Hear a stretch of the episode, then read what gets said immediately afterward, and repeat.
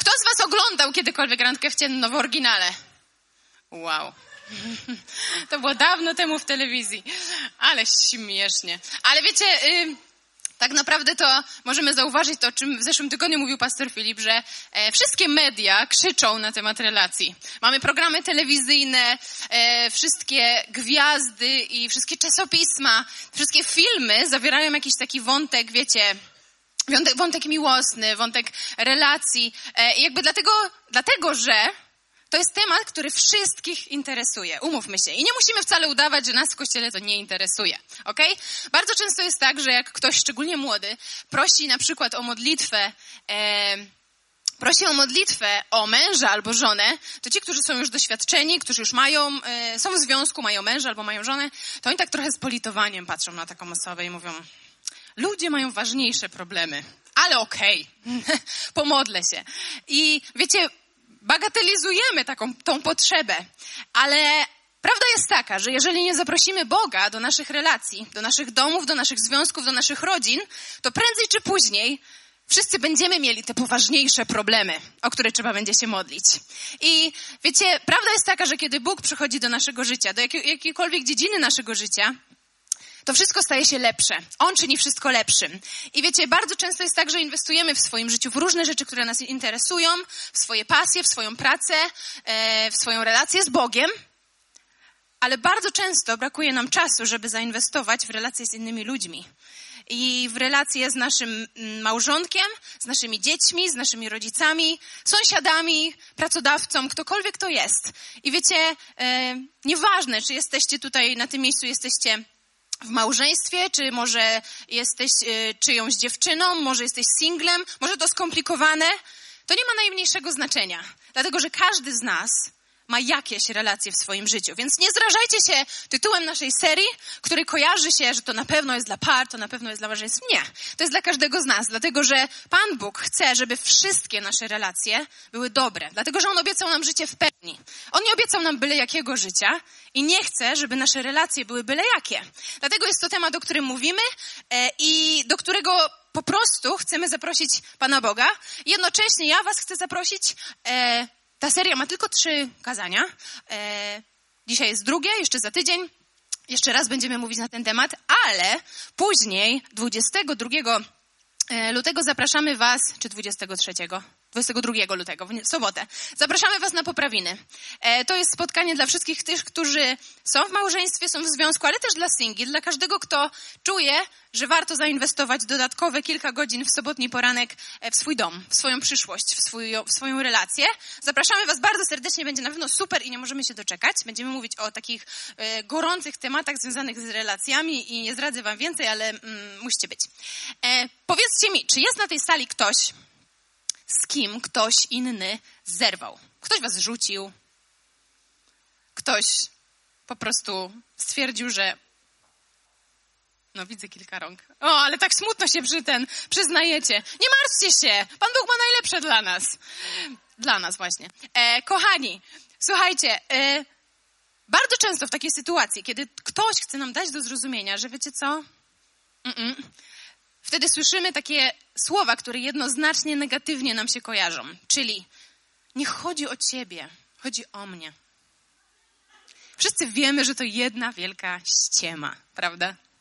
Bo ty jesteś, naprawdę jesteś super, jesteś, naprawdę jesteś niesamowita, ale, ale chodzi o mnie. Chodzi o mnie. Nie zasługuję na ciebie. Bzdura. Jedna wielka wymówka. Ale wiecie co? Jeżeli chcemy mieć relacje, które działają w naszym życiu, jeżeli chcemy mieć relacje zamiast racji, to prawda jest taka, że każdy z nas powinien powiedzieć: Nie chodzi o ciebie, ale chodzi o mnie. I bardzo często, kiedy myślimy o relacji, myślimy odwrotnie. Bo bardzo często mówi się, że nie powinniśmy być egoistyczni i powinniśmy myśleć o tej drugiej osobie. W relacji właśnie chodzi o tą drugą osobę. Ale z drugiej strony, w relacji to ja jestem osobą, która jest za nią odpowiedzialna. To ja ją buduję. To ja jestem tą osobą, którą mogę zmienić. To ja jestem osobą, która ma wpływ na to, jaką relację buduję. Więc nie chodzi o ciebie, ale chodzi o mnie. Odwróćcie się do kogoś, kto siedzi obok, obok was i powiedzcie, nie chodzi o ciebie, chodzi o mnie. Wiem, że bardzo to lubicie i robicie to z wielką euforią. super. I e, właśnie, wspomniałam przed chwileczką, że my jesteśmy tą osobą, którą możemy zmienić.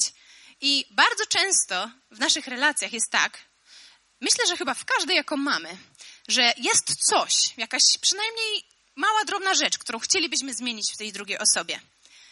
Nieważne, czy to jest twoja żona, mąż, twój chłopak, dziewczyna, mama, tata, syn. Nie ma znaczenia. Jest zawsze coś, co chcielibyśmy zmienić.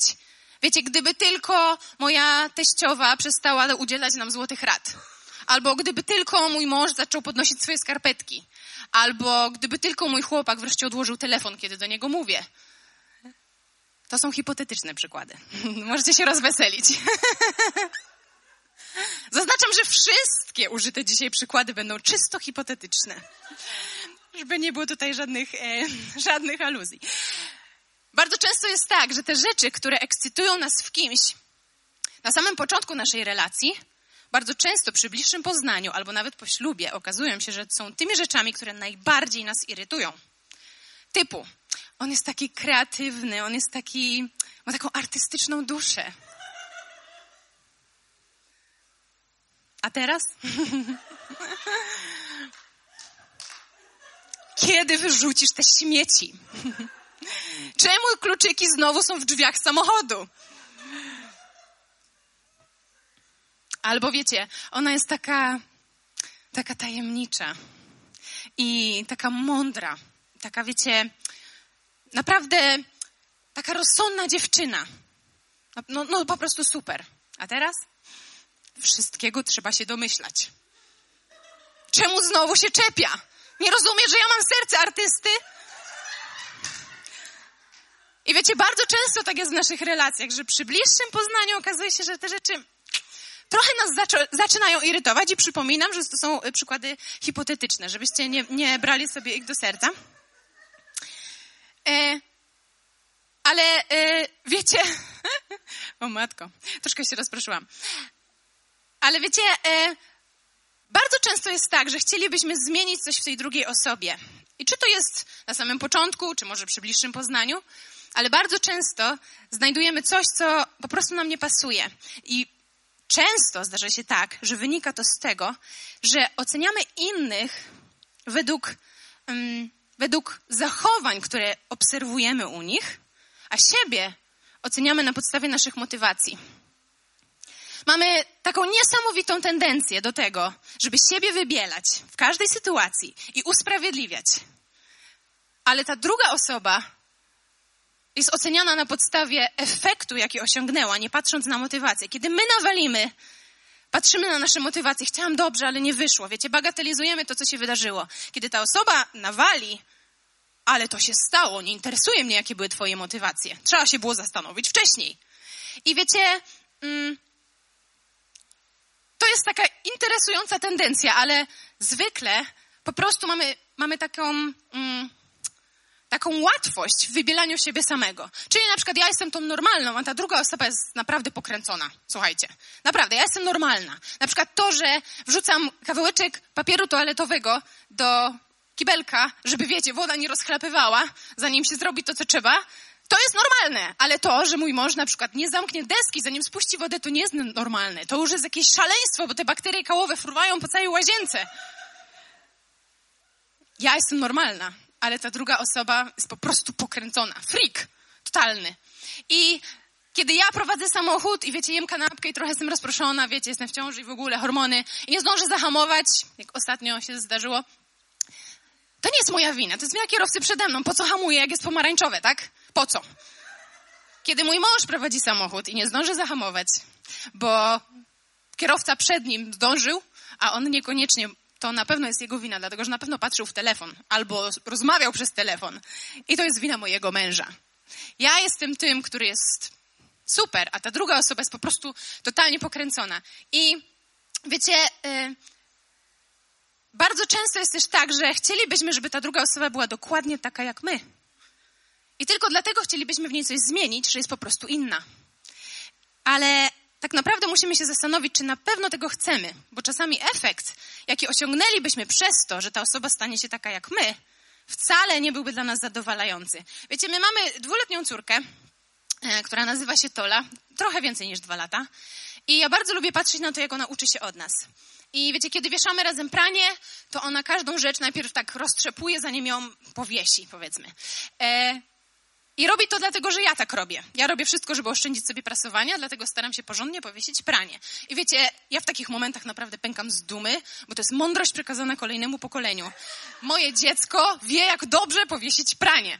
I jestem z tego bardzo dumna, ale są też momenty, w których moja córka na przykład bawi się ze swoją lalką i słyszę, jak mówi do niej, jak nie będziesz mnie słuchała, to wyrzucę ci smocek do kosa. Nigdy go nie zobaczysz.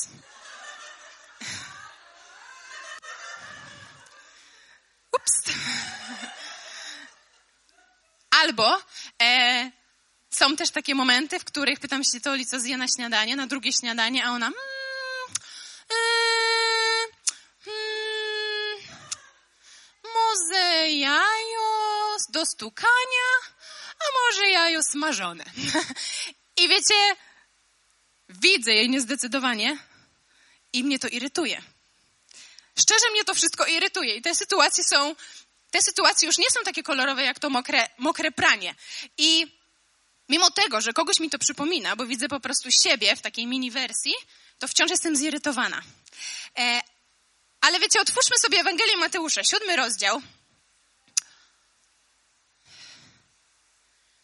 I przeczytajmy sobie pierwsze pięć wersetów tego rozdziału. Tu jest napisane tak. Przestańcie osądzać, abyście nie zostali osądzeni, bo normy, według których sądzicie, odniosą i do was, a miarę, którą stosujecie, odmierzą również wam. Dlaczego widzisz drzazgę w oku swojego brata, a belki we własnym nie dostrzegasz?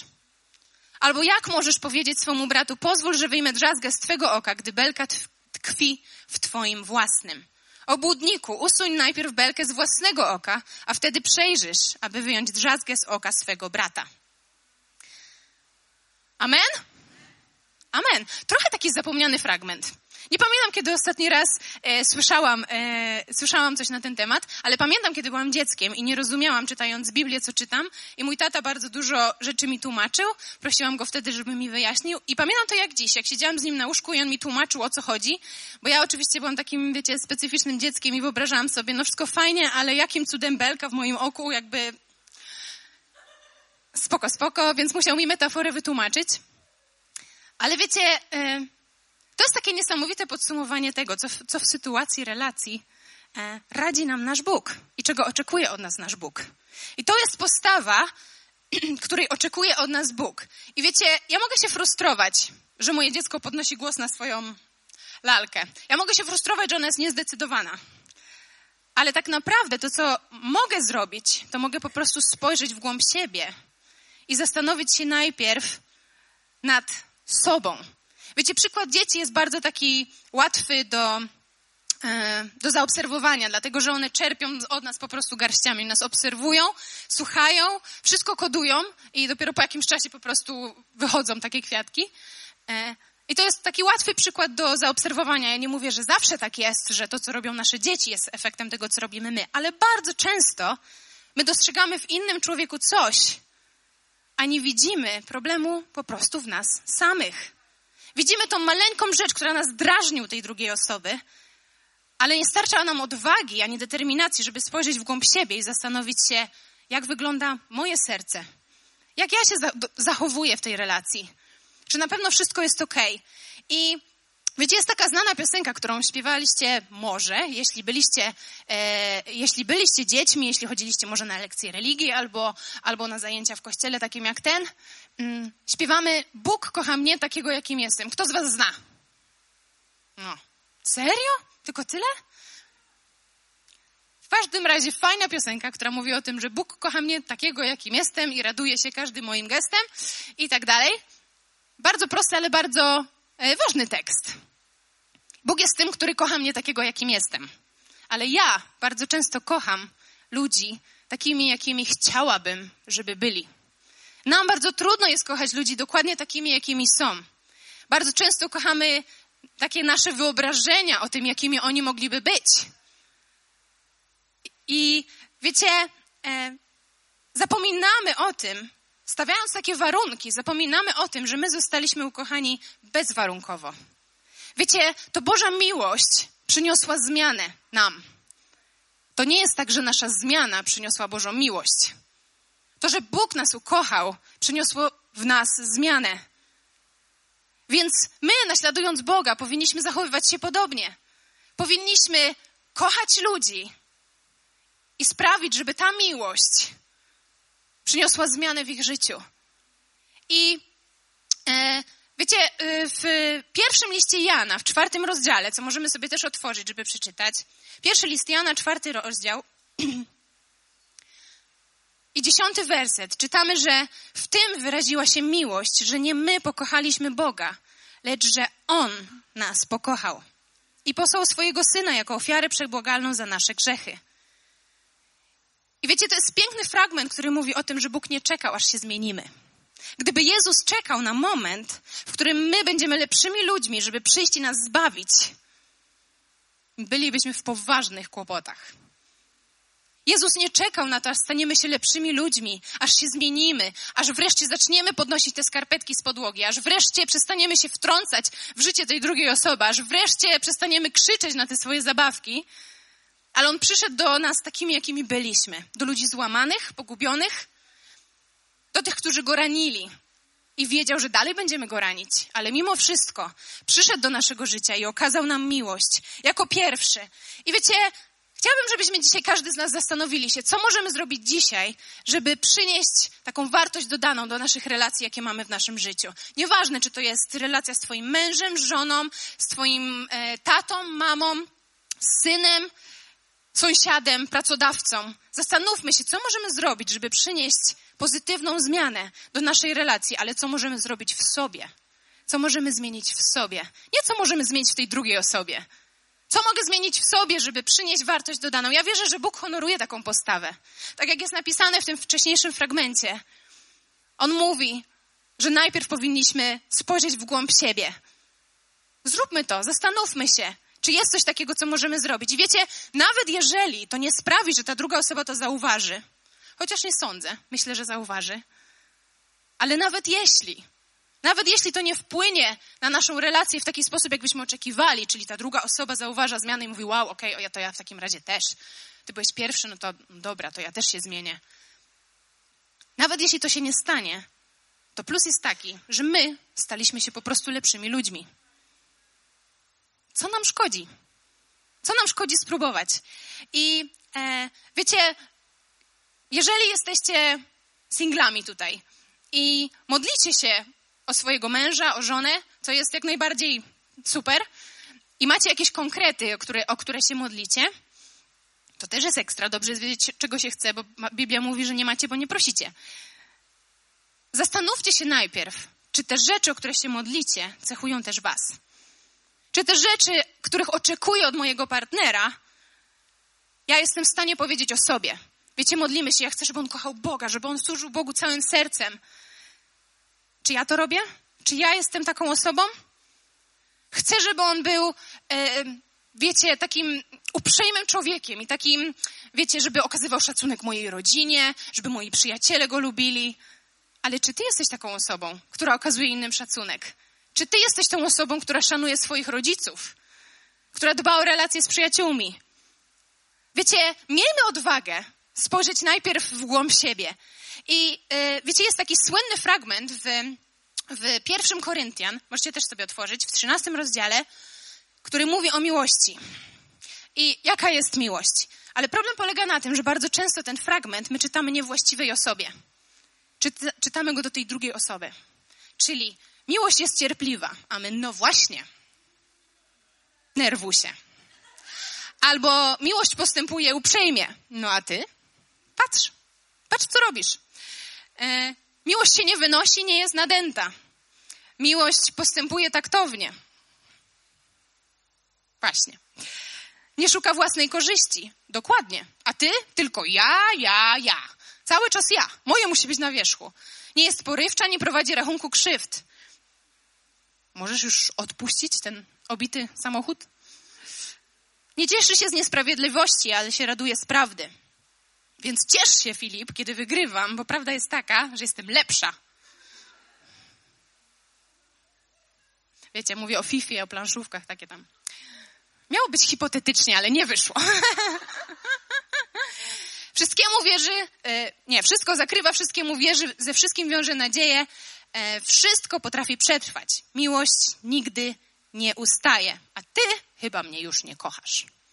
Wiecie, problem polega na tym, że cały ten fragment czytamy do tej drugiej osoby i rzucamy im w twarz tymi wersetami. Bardzo często jesteśmy na jakimś kazaniu i słuchamy czegoś i słuchamy dla naszego sąsiada i słuchamy, aha, dobrze, że o tym mówią, przyda mu się. I tak samo jest z tym fragmentem. My go czytamy, ale nie bierzemy go do siebie, ale rzucamy nim w twarz tej drugiej osobie. Wiecie, cały ten rozdział napisany jest przez apostoła Pawła w liczbie pojedynczej. E, znaczy w pierwszej osobie liczby pojedynczej, chciałam powiedzieć. On mówi na początku samym, choćbym mówił językami ludzi i aniołów, a, a miłości bym nie miał. I tak dalej. On cały czas mówi o sobie.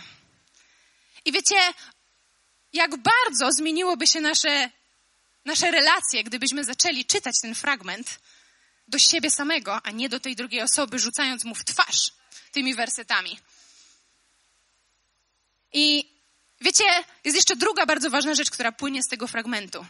To to, że żadna z tych rzeczy, o, którym, o których mówi apostoł Paweł, jaka jest miłość, nie jest uczuciem.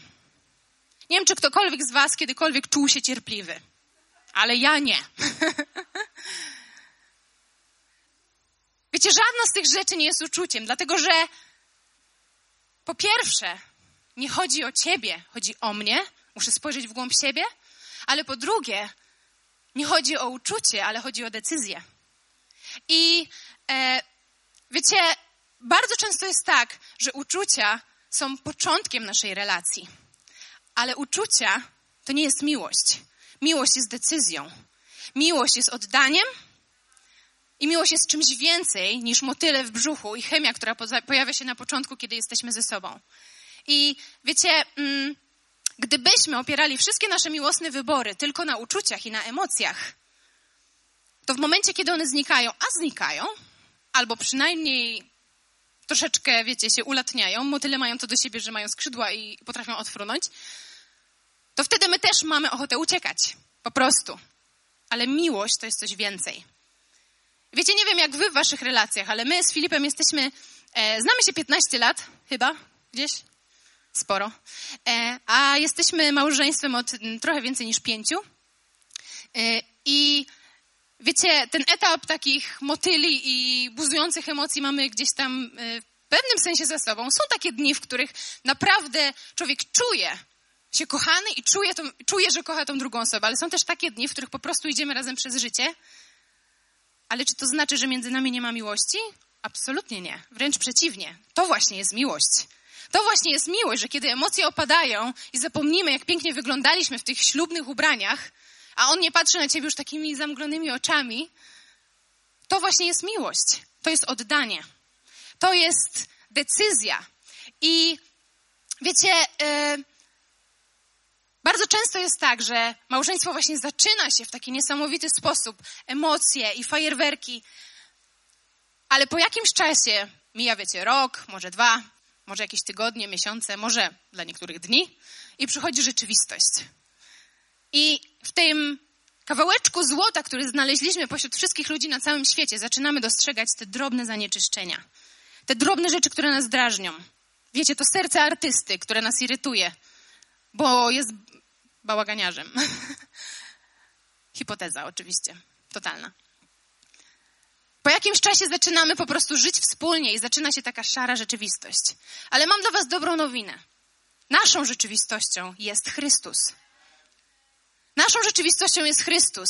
I nie ma takiej możliwości, żeby ta rzeczywistość była szara, smutna, nudna. Bo jeżeli zaprosimy Chrystusa do naszego życia, jeżeli zaprosimy Boga do naszych relacji, do naszych związków, do naszego domu, do naszego miejsca pracy, do naszych przyjaźni, to On czyni wszystko lepszym. Naszą rzeczywistością jest Chrystus. I wiecie, On jest doskonałym przykładem miłości.